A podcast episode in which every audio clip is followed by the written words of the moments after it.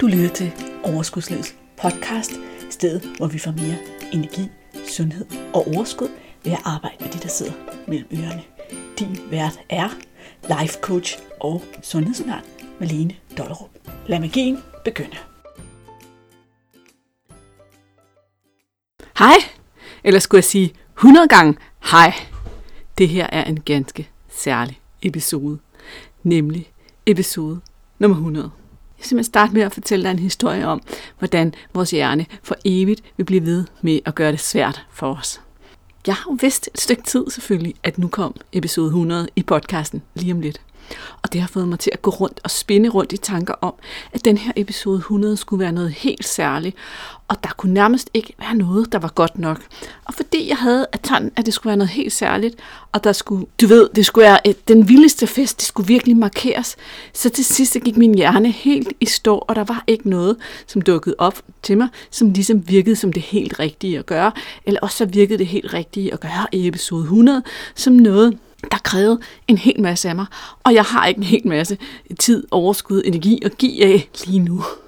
Så jeg er bare blevet ved med at udskyde det her med at finde ud af, hvad skulle der egentlig ske i episode 100. Indtil jeg ligesom kom på sporet af, hov, nu er det lige af min hjerne, at vi er kører afsted med mig og forhindrer mig i at skabe noget, som pludselig virker som et stort problem. Fordi 100 er jo bare et tal ligesom 99 eller 78 eller 14. Det er bare en tradition, vi har, at vi markerer episode 100.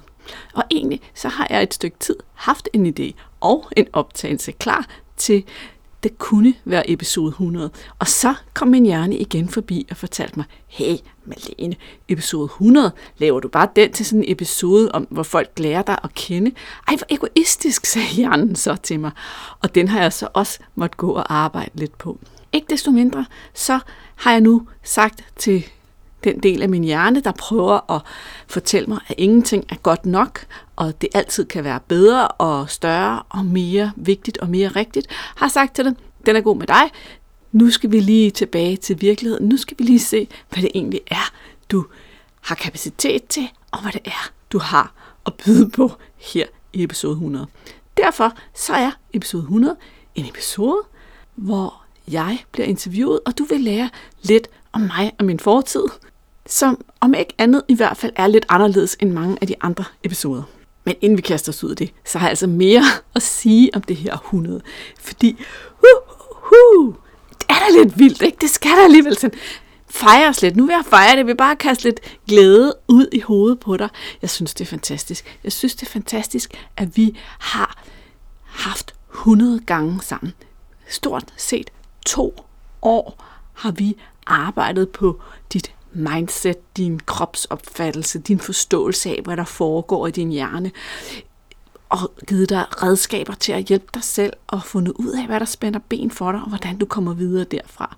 Du har hørt fra en masse fantastiske gæster, der har delt ud af spændende, spændende viden om deres felt, som alle sammen, synes jeg, har leveret noget, man kunne tage ud at bruge nu og her noget, hvor man fik en aha-oplevelse, noget, hvor man fik nogle brækker til det store puslespil, det er at hele tiden udvikle sig selv. Og samtidig så har du jo fået masser af opgaver, masser af input, masser af læring fra mig til din egen selvudvikling. Når jeg arbejder med det her med at skabe et vejet vægttab, så er der i virkeligheden fem grundpiller, som jeg ved, der skal være på plads. Udover det her med at have en ægte og dybfølt motivation for at skabe forandring og for at skabe det vægttab, som du eventuelt ønsker dig, så det kommer fra et sandt og ægte sted, så er der fem ting, der skal være på plads. Og de fem ting har vi alle sammen berørt i små bidder rundt omkring i podcasten og givet dig nogle brækker til at hjælpe dig selv. Den første ting er at kunne håndtere sine følelser, og kunne håndtere sine følelser, og acceptere dem, og være med dem, uden at dulme dem, og uden at undertrykke dem med mad. Nummer to ting, der skal være på plads, er at kunne genkende, når ens egne tanker kører af sporet med en og saboterer ens dagsorden, dagsorden og vide, hvad det er, man gør med de tanker, så man kan skabe noget nyt, så man kan skabe det, man ønsker sig og så man kan skabe de gode følelser, der medfører gode handlinger. Nummer tre ting, der skal være på plads, det er, at vi skal have forbindelse til vores krop. Vi skal have en fornemmelse af kroppen. Vi skal kunne reagere på vores krops signaler, på vores sult, og på vores mæthed, på vores træthed, på vores tørst. Alt det her, vi skal samarbejde med vores krop. Den fjerde grundpille, som jeg også arbejder med, det er det her med at holde af sig selv og holde af sin krop og vide, at du har værdi, og din krop har værdi, og du er vigtig at kunne prioritere dig selv. Og det er super vigtigt, fordi vi passer altså kun på ting, som vi holder af. Så hvis vi i bund og grund ikke synes, vi har nogen værdi, og vi ikke er vigtige, og vores krop bare er noget, vi slås imod, så er det rigtig svært at samtidig at bevare gejsten til at passe på den selv samme krop og det selv samme menneske. Så bliver det altid lige andre, der bliver sat først. Og det koster, det har altid en pris. Altid, altid køre sig selv over og sætte sig selv nederst og sætte andre først. Lige netop den grundpille har jeg jo faktisk lige lavet en julekalender til den kærlige julekalender. Du kan stadig nå at hoppe med, hvis du vil lære det, fordi så får, der bliver du rigtig klædt på til at lære den del af mindsetet, det kræver for at ændre dit forhold til mad og skabe et vejt vægt til overskudslivet.dk-julekalender. Men det var ikke det, vi skulle snakke om. Den sidste grundpille, den handler i virkeligheden om at forstå sig selv. Og når jeg siger forstå sig selv, så mener jeg også forstå alt det, der lige nu ligger og forhindrer dig. Det, der måske ligger i din fortid og forhindrer dig. Det, der på ubevidst planer holder dig, hvor du er. Få lavet det arbejde, der gør, at du forstår, hvorfor du bliver stående, hvor du er, i stedet for at bevæge dig frem mod det, som du har brugt så meget energi på, og som formentlig fylder rigtig meget i dit hoved lige nu. Det er de fem grundpiller, jeg arbejder med. Og du har fået små bidder til det hele i den her podcast. Bare sådan top of mind, og jeg har ikke engang gennemgået listen, så ved jeg i hvert fald, at der er en episode, der hedder Lyt til kroppen, og der er en, der handler om sult og mæthed. Der er episoder, der handler om, hvad for nogle følelser du spiser på. Der er episode om kærlighed. Der er en, der hedder Love 2.0, tror jeg, og en anden, der også sidder noget med kærlighed. Der er 99 andre episoder at uddanne dig i og hjælpe dig selv. Det er fantastisk, det er vildt. Prøv at tænke på, prøv at tænke på, hvad vi to har skabt sammen for dig. Jeg håber i hvert fald, at dit liv er bedre, for du har fået redskaberne til det i de her sådan, 99 afsnit, der har været indtil nu. Og i anledning af episode 100, så har jeg også gjort det, at fordi 100 episoder, det er virkelig mange. Jeg kan selv fare vild i, hvad er det nu, den der episode hedder, og hvad nummer har den nu. Så har jeg lavet et ganske simpelt pdf med en oversigt over alle podcastene. Hvad har de for et nummer, og hvad handler de om, og hvad er det inden for nogle emner. Og den skal du selvfølgelig være velkommen til at hente, hvis du har lyst, så du har en form for oversigt at arbejde ud fra. Den kan du gå ind i episodenoterne og finde linket til. Eller du kan gå på overskudslivet.dk-podcast oversigt i et ord. Godt! Men skal vi ikke komme i gang? Skal vi ikke se, hvad det er, Alicia, min gode ven og coach, hun interviewede mig her for nogle uger siden. Og hvad er det, hun fandt på at spørge mig om? Hvad var det, hun tænkte, at I gerne ville vide om mig? For det var nemlig den opgave, jeg gav hende. Jeg sagde til hende, Alicia, prøv at forestille dig, at du er en af mine lyttere. Og så siger hun, det er jeg allerede, jeg lytter også med til podcasten. Forestil dig, at du er en af mine lyttere, og du, skal, du sidder og tænker, hende der Malene, hvad vil du egentlig gerne vide om mig? Kan du ikke stille mig de spørgsmål i dag? Og det gjorde vi så. Og det er det, du får her. Nye det vidste du ikke om Malene. Historier. Prøv at lægge mærke til, at du undervejs, ud over at få stillet den nysgerrighed, du måske har, fordi vi mennesker er jo nysgerrige på hinanden som ofte, også får en del små tip og indsigter og viden i den samtale, som Alicia og jeg har. Sådan at du også i den her episode tager noget med dig. God fornøjelse. Velkommen til Overskudslivet. I dag er det Alicia, der interviewer Malene. Hej Malene. Hej. Malene, i dag har jeg tænkt mig, at øh, vi skal snakke lidt om Her er dit liv. Kan du huske det der gamle fjernsynsprogram om, øh, at vi går igennem en eller anden kendis liv? Jeg kan svagt huske det, så det er altså mig, der er kendisen i dag. Det er dig, der er kendisen i dag, ja. Fantastisk. Ja. Den er jeg med på. Altså, vi har jo kendt hinanden i to år, sådan ish, har jeg siddet her lige og kigget tilbage på. Og jeg synes privat selv, at jeg synes jo, du er mega sej og mega lækker, og kender dig ret godt efterhånden. Men der er alligevel lige nogle sådan små finurligheder, jeg godt vil vide lidt mere om. Siger du, er det okay at ligesom hoppe ud i? Ja da. Ja, fedt. Bring it on. Yes. Så øh, hvordan var Malene som øh, 10 år gammel? Puh, er det lang tid siden, var? Mm, nej, 15 år cirka. Malene på 10 år var en lille, fregnet øh, pige med langt rødt hår og briller, hvis øh, mor og far boede sammen i et hus, sammen med hendes lillebror og deres kat. Og det år, da hun blev 10 år, det var det år, hendes mor og far besluttede, besluttede at de skulle skilles. Og at hun blev boende hos sin far i huset, og hendes mor og lillebror, altså min mor og lillebror, flyttede til en by i nærheden. Ja. Og, og vil du dele med os, hvor i verden vi er hen? Altså, jeg tænker, vi er i Danmark, men det, det kunne jo være hvor som helst. Ja, jeg kommer fra Lyngby, lidt nord for København, og min mor flyttede til Virum, så hvis man kender området, så er det sådan pænt tæt på hinanden. Okay. Hvad havde du af interesser, da du var 10 år gammel? Uh, godt spørgsmål.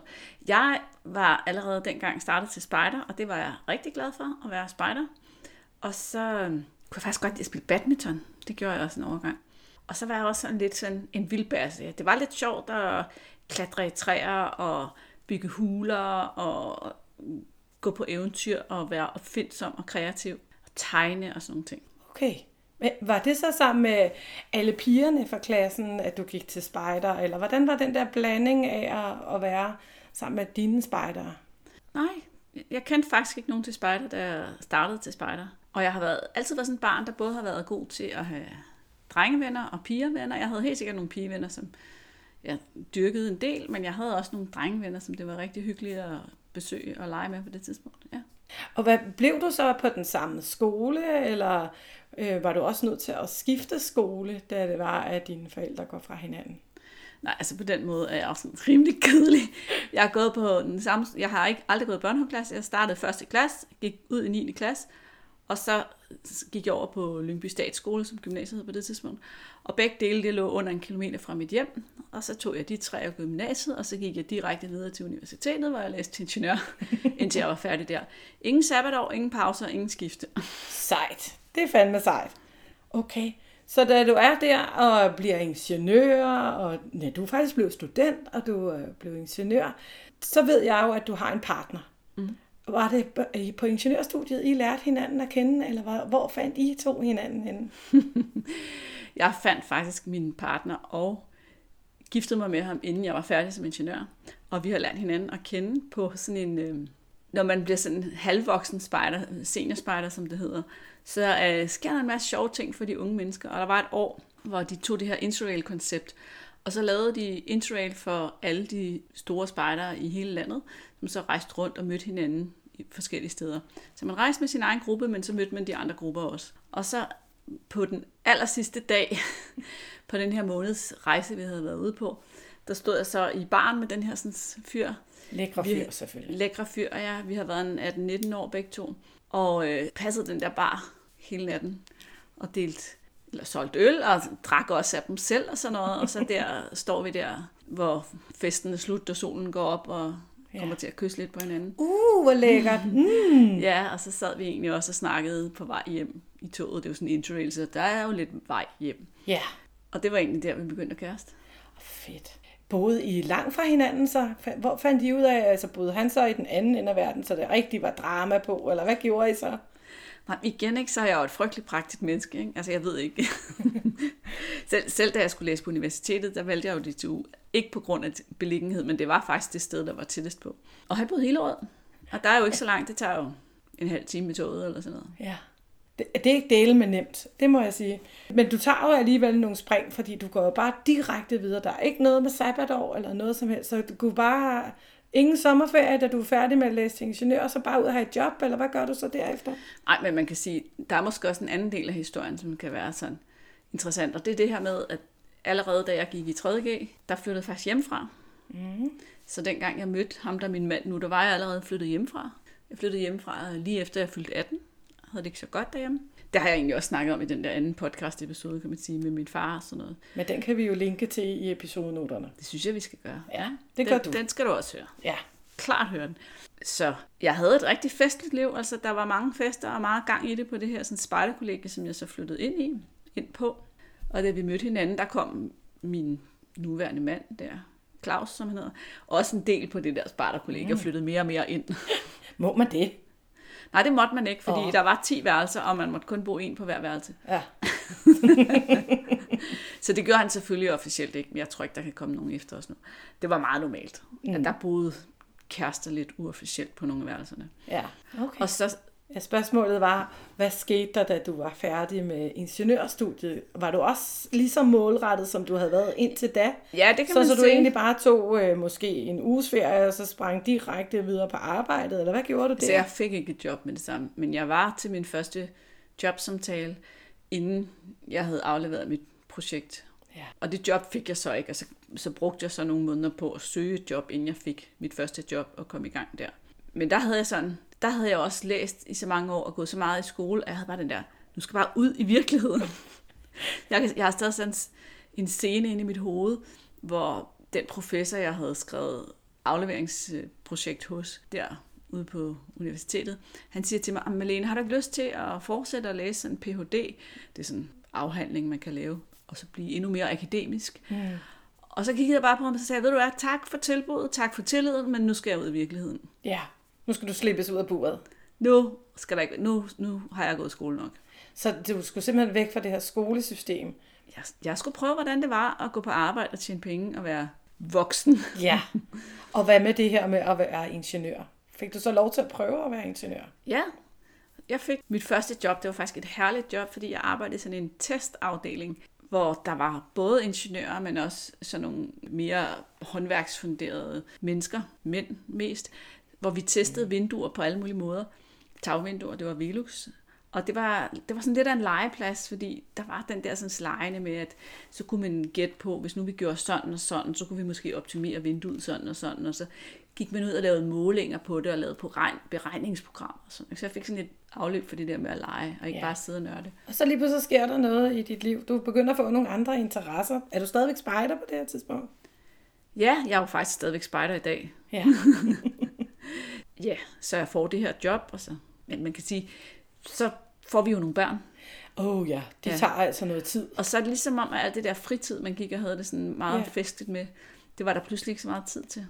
Nej, du har ret store børn, er det ikke, er det ikke noget Jo. med det? Ja. Mine børn i dag er, min ældste dreng er 20, og er lige flyttet hjemmefra, og så har jeg en på 18, og så har jeg en på 14. Så det er jo 20 år siden, at ja, de blandede sig i, i jeres liv, og Ja, man ligesom nulstillede øh, så meget af de her fester.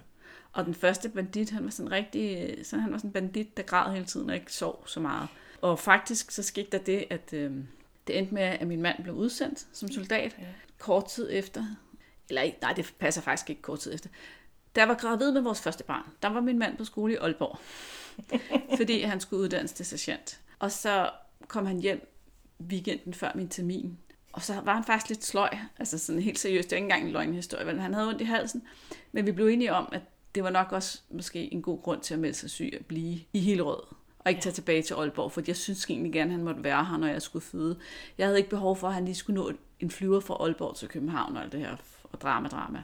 Så han tog en sygemelding, og så var han faktisk hjemme, da jeg skulle føde vores første barn. Og det havde du faktisk ikke helt forventet, at han ville nå at være, eller hvad? Jo, jeg havde måske forventet, men jeg havde måske forventet, at jeg skulle klare de første timer selv, fordi hvis jeg skal ringe til Aalborg, og han skal hoppe ind i en flyver ja. Og sådan noget, så, så kan man jo stå alene med det, og det var jeg også super skræmt over. Altså det der med, Ja. ja. du føder, man aner ikke, hvad det er, det er noget med en hel masse smerte, og jeg vil gerne have født hjemme, og det kunne jeg ikke få lov til, fordi alt muligt. Så, så det var bare skræmmende. Alt var bare skræmmende, så det, ja. jeg havde brug for, at han var der, ikke? Så da jeg fik mit, eller da vi fik vores nummer to dreng der, så fik jeg jo så lov at få opfyldt den her drøm, om at føde derhjemme. Ej, så jeg havde en stor balje med vand midt på stuegulvet, og så fødte jeg faktisk i det her vand. Ej, hvor fedt. Og det var sådan virkelig sådan en drøm, der bare kom til opfyldelse. Og det gentog vi så også med, med pigen der, som vi så har fået til sidst. Og det har bare været en super dejlig måde for mig. Og det der med, at man er bare derhjemme hos sig selv i sine egne omgivelser, og jordmoren kommer til en. Og... Men da drengene så var to og fire, tror jeg, der blev det sådan, at min mand, han, på grund af den kontrakt, han havde med forsvaret, så var han faktisk nødt til at blive udsendt som soldat. Ja, og det var han, han blev udsendt mere end en gang, ikke? Jo. Ja. Og det var, det var lidt ufedt. Altså det var faktisk meget ufedt. Han var meget sådan, du ved, Malene, det skal du slet ikke bekymre dig om. Prøv at høre, de går bare dernede og drikker cola og spiller bordtennis og feder den, og det er sådan en fed chance. Det går snilt, siger han. Og det havde det jo også gjort for de soldater, der var udsendt indtil da. Men da han kom derned, så gik det så mindre godt.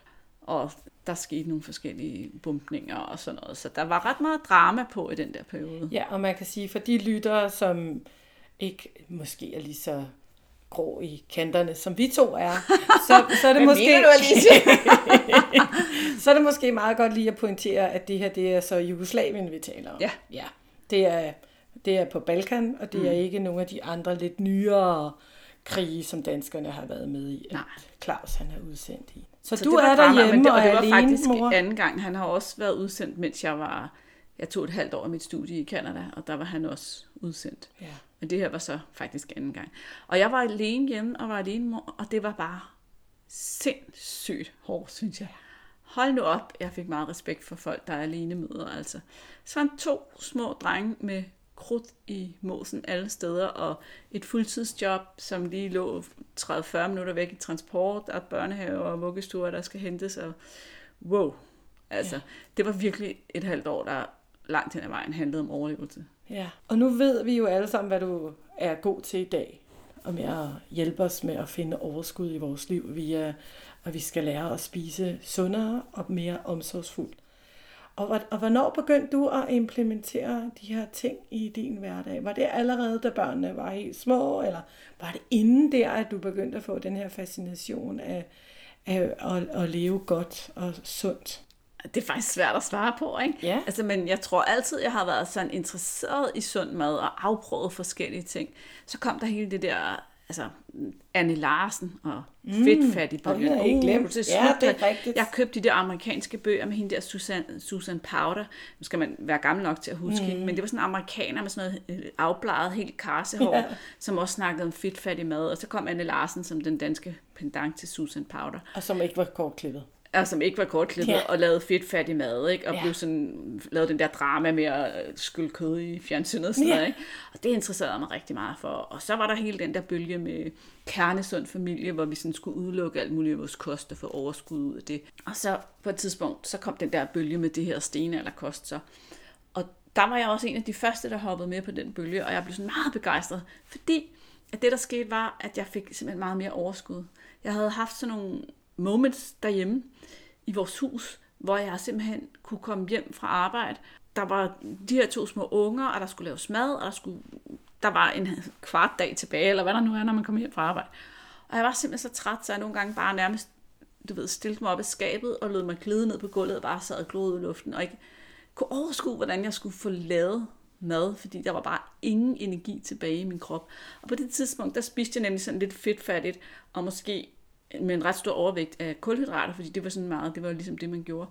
Og da jeg så skiftede over til den her stenalderkost og prøvede det af, så mærkede jeg bare, hvordan jeg fik det her sådan meget mere stabile blodsukker, og det her meget mere altså energiniveau. Jeg fik ikke de der sådan, totale kollaps om eftermiddagen. Det betyder jo ikke, at jeg aldrig er træt om eftermiddagen. Selvfølgelig er det. Men det var ikke den der sådan, fuldstændig uoverstigelige, hvordan skal jeg nogensinde rejse mig op og få proppet tingene i gryden og lavet aftensmad. Så derfor blev jeg sådan ret begejstret og lavede en blog Ja. der. Ja. Ja, fordi du har faktisk stadig den blog, ikke? Jo, Hvad er det nu, den hedder? den hedder Palolivet. Den hedder Palolivet, det er Ja. rigtigt. Ja. Og der er opskrifter sådan, sådan hele, fra hele min rejse. Men min interesse startede for stenalderkost. Der fandtes det stort set kun som et koncept i Amerika. Og det vil sige, at der var rigtig mange amerikanske opskrifter. Og det betyder, at så skal man købe alt muligt mærkeligt, som du ikke kan få nede i Netto. Ikke? Så det jeg sådan gjorde som mit speciale på det tidspunkt, det var lidt at, at tage de her opskrifter, og så lave dem til danske udgaver, så folk, der kunne tænke sig at prøve det her af, kunne få opskrifter med noget, de kunne gå ned og købe Netto, eller til noget gå ned i brusen eller helsekosten. Ikke? Men altså, så det ikke blev sådan et eller andet totalt mærkeligt, man skulle have fat i.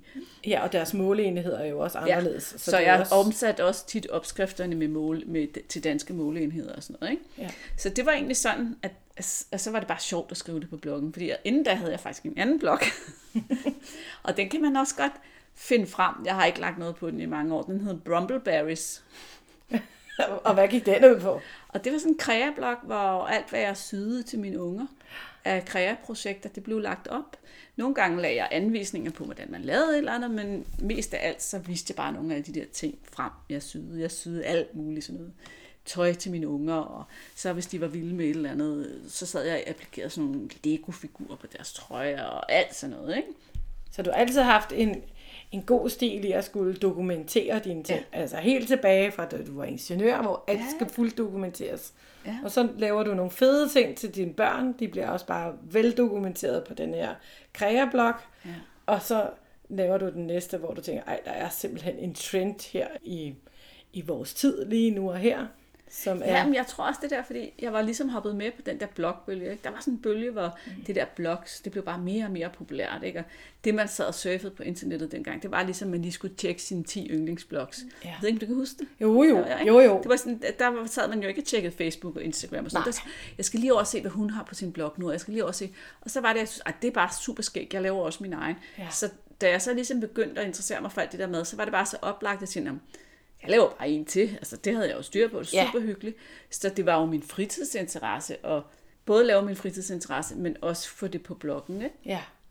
Så, så du begynder egentlig at køre sådan ret godt ind på paletten, altså det her med at få, få fyldt sin hverdag ud. Jeg tænker, du, øh, Claus er kommet hjem nu, ikke? Men Nå, alligevel... Han var kun et halvt år. Ja, lige præcis. Altså, så, men alligevel, du har jo fuldtidsjob. Ja. Godt i gang med en god karriere. Kan man sige, da drengene var 4 og 6 år, får vi jo barn nummer 3 og øh, bygger en tagetage på vores hus, fordi man skal jo ikke gå ned på opgaver. Nej, man skal altid have et lille projekt i baghaven. Ja, ja. Vi andre, vi nøjes med at bygge drivhuse og skure. Jamen, det har vi også bygget. Jamen, det har vi også bygget. Garage, tjek. Præcis. Men I tog også bare lige en første etage. Ja. Ja vi synes ikke, vi kunne være der. Det, det var også lidt svært. Huset var lidt lille, når man skulle have tre børn. Så der er ved at være fyldt godt op på den her palette. Og mm. hvordan går det på arbejdet, imens at, at du så kører på med alt det fede ting, der sker i dit privatliv? Altså, jeg synes jo på mange måder, det blev mindre og mindre sjovt at gå på arbejde. Også det var anstrengende, fordi det var svært ligesom at få tid til at rumme det hele. Og jeg tror, at de fleste småbørns- eller børnefamilier, de kender den der. Hvis man er to voksne, der går på arbejde fuld tid, og man skal have det hele til at hænge sammen, så er det svært at føle, at man også har et liv, hvor man kan dyrke sine interesser og, og nå alting. Blandt andet, da vi byggede den der tagetage, der, der var jo nogle perioder, hvor, hvor Claus og jeg, vi måtte kigge hinanden i øjnene og sige, honey, nu holder vi lige en måneds pause, nu, nu uh, sætter vi lige plastik hen over hullet op til første salen, og så går vi ikke derop i en måned, fordi ellers så, så falder vi om kul, ikke? Ja. Altså fordi vi knoklede så meget, og jeg synes, det var hårdt, og der var faktisk også på et tidspunkt, hvor jeg så lykkes med at for, Altså, som ingeniør er det ikke super nemt altid at komme ned i tid. Men det lykkedes mig til sidst at forhandle mig ned i tid, så jeg kom ned på 32 timer. Fordi der var også en eller anden sådan hele tiden en dårlig samvittighed over for familien, og en dårlig samvittighed over for arbejdet, hvis man lige gik en halv time før. Min chef, han var egentlig sådan rimelig flink til, ja, bare du leverer det, som, som du skal levere, så går jeg altså ikke og tæller minutter. Men jeg havde brug for den der sådan, altså mentale viden om, at det var okay. Altså, ja. Det var okay, når jeg gik klokken to i stedet for klokken tre, for eksempel, hvis jeg mødte klokken syv. Ikke? Det var okay, og mine kollegaer behøvede ikke at sidde og sådan tænke, gud, hun går altid klokken to, hun snyder, eller sådan. Mm. Så, så jeg havde brug for det, selvom min chef sagde, altså, du behøves ikke. Så det gør, at jeg forhandlede mig ned på 32 timer og fik sådan lidt mere luft. Ja. Og da børnene så blev lidt store, større, så bliver det jo lynhurtigt brugt til at være mere kreativ og lave mere på bloggen. Og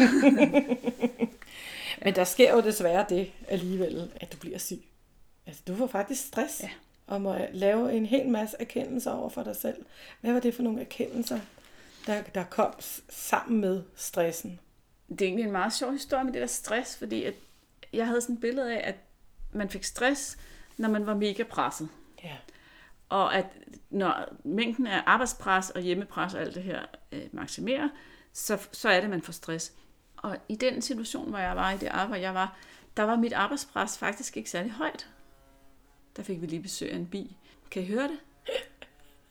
Nå, mit arbejdspres var faktisk ikke særlig højt. Jeg manglede indimellem opgaver, og jeg havde faktisk sagt til min chef, altså jeg har for lidt at lave.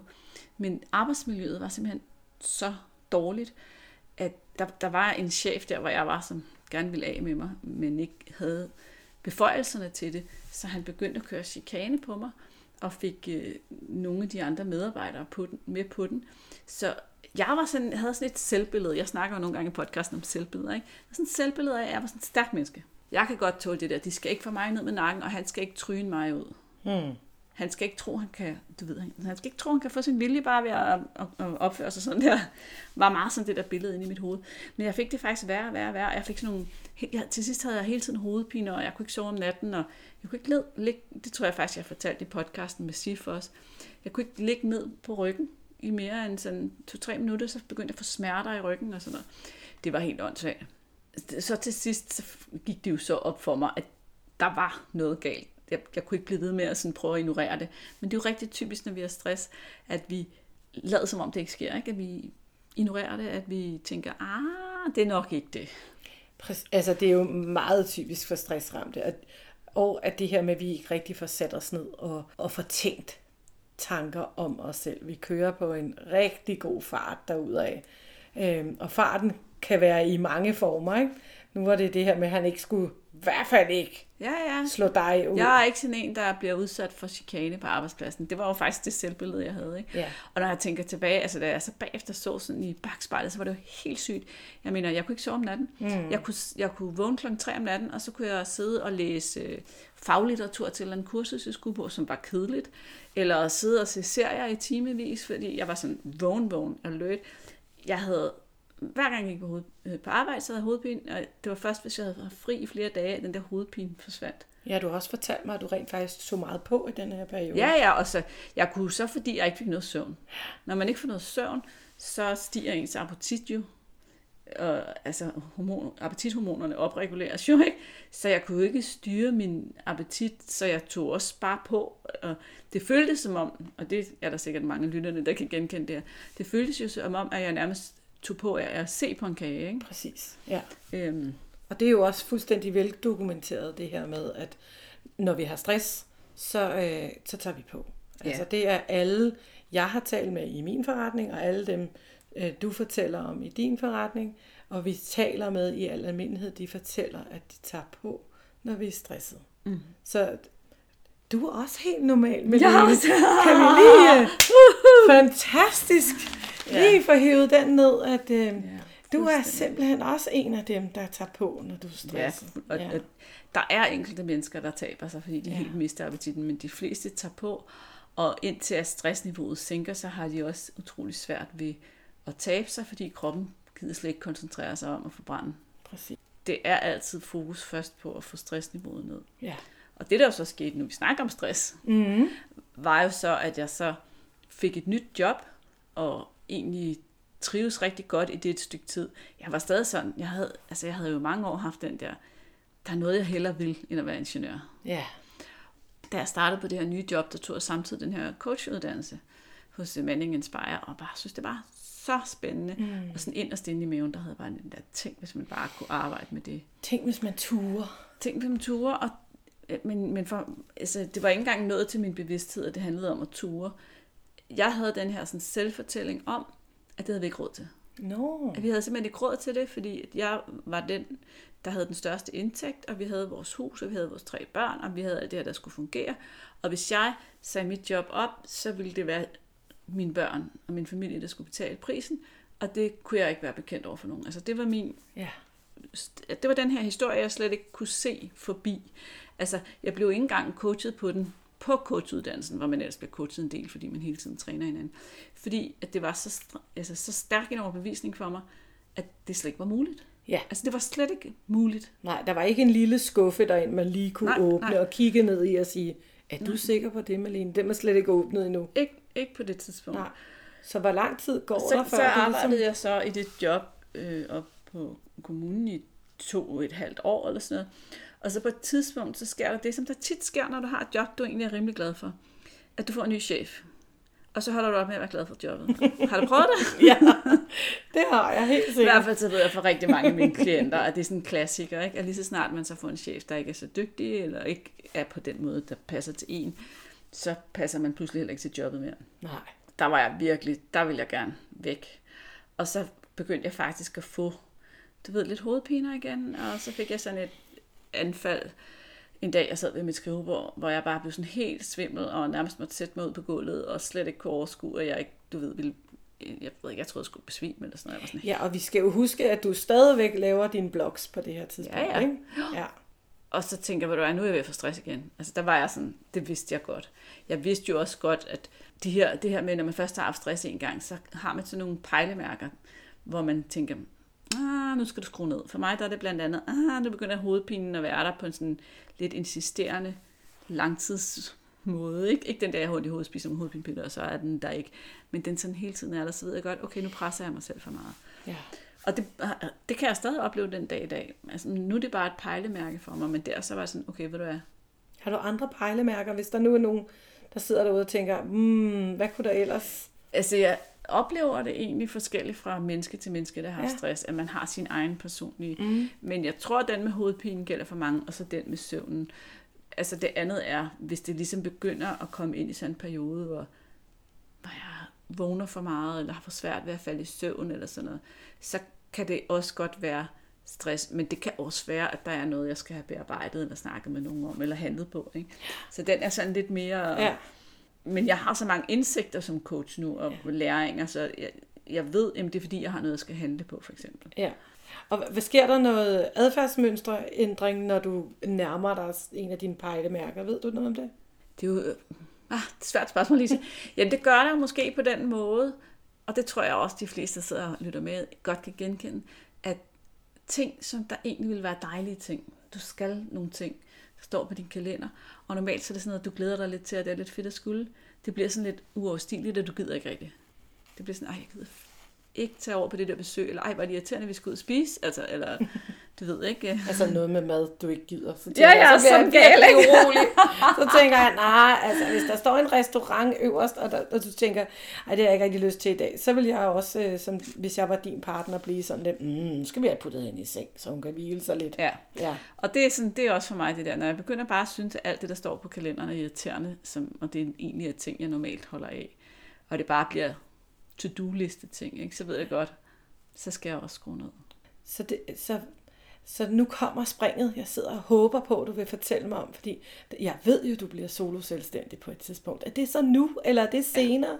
Ej, det var det. Da jeg fik den der oplevelse over på mit arbejde, som jeg jo så ikke var glad for på grund af den her nye chef, jeg havde fået, så tog Claus og jeg en alvorlig snak. Og, så, og han, og han ja, det har jeg jo også sagt her i podcasten før, ikke? Mænd, ikke?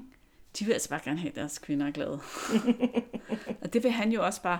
Og så Altså, bliver han vi var sådan lidt- faktisk så lækre. han, altså han ville bare, du ved, jamen, hvis vi ikke havde råd til at bo i huset, eller hvis vi ikke havde råd til vores biler, eller hvis vi ikke havde råd til et eller andet, så var der ikke noget at gøre ved det, vores ferie.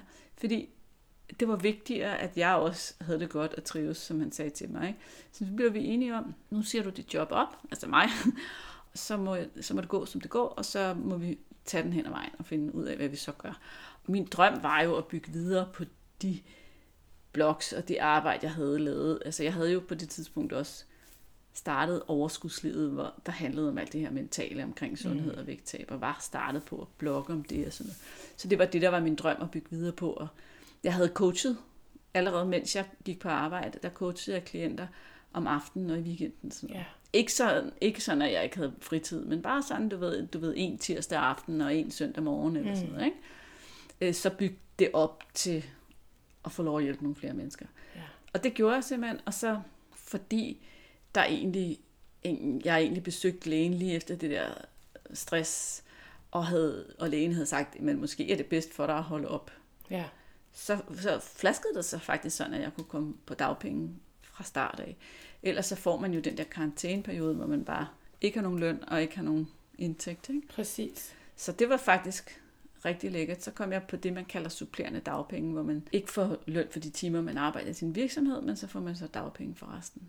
Men altså, Malene, nu er du jo coach, ikke? Mm-hmm. Så når Claus han giver dig lov til at blive selvstændig, og selvom du får hjælp med dagpengene, mm-hmm. var det så en nem beslutning alligevel?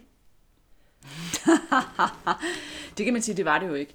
Altså, hvis jeg skulle rådgive fortids mig, Ja, så ville jeg jo have sagt, at jeg slet ikke skulle bruge så mange år på den beslutning. Fordi det er jo livskvalitet, det her.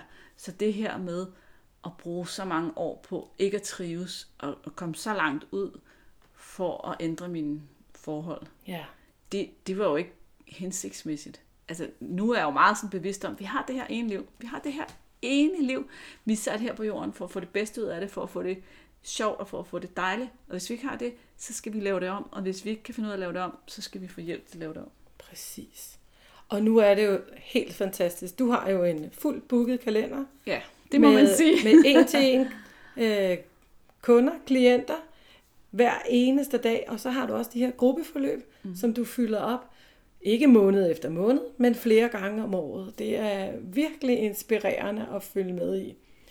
Og så har du lavet din podcast, og, og vi er lige nu, hvor vi sidder her i sofaen i Aarhus, så er det jo også ved at være et, et nyt år. Så vi to, vi har jo siddet og lavet lidt status og fundet ud af, at der også sker nye ting i 2021. Og er der nogle af de ting, som vi to vi har snakket om, som du vil bare løfte en lille smule på? Vil jeg det? Hmm. Altså, jeg har i hvert fald en idé om at vækste min forretning. Fortsæt med de her gruppeforløb, en gang for alle forløbene, som jo har været en stor succes. Og måske lave en eller anden alumnigruppe for dem, som har været med og har lyst.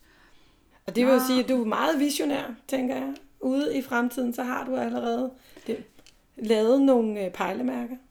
Ja, altså jeg har både sådan et mål om at hjælpe endnu flere kvinder til at få det endnu bedre i deres liv, og få et endnu bedre forhold til dem selv og til mad og alt det her.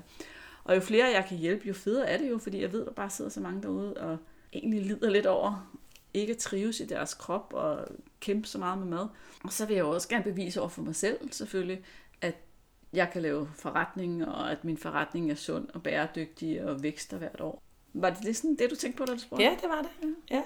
Og så, øh, så har du også lovet mig, at øh, en dag, så vil du blive Danmarks hvad? Ah, tak for det spørgsmål, Alicia. Ja, jeg har faktisk lavet en vision, og jeg tror måske endda, jeg lavede den allerede sidste år, at jeg vil være Danmarks bedste kvindelige life coach. Og det er sådan et pejlemærke for mig og min forretning, som gør, at jeg altid holder mig, altså bruger energi på at sige, kan gøre det endnu bedre? Er der noget, jeg har brug for at lære, for at hjælpe mine klienter endnu bedre, endnu hurtigere og endnu mere effektivt, sådan at de kan få den fedeste, bedste hjælp, de har brug for. Fedt. Mm. I alle dine podcasts, så er der jo altid noget, du spørger dem, du interviewer. Vil du mm. selv stille spørgsmålet, eller skal jeg stille spørgsmålet? Jeg synes, du skal stille det. Altså, Malene, hvis der er noget, du rigtig gerne vil blære dig med, noget, som du er susende god til, og noget, som vi andre ikke allerede har hørt, hvordan vil du så dele det med alle os?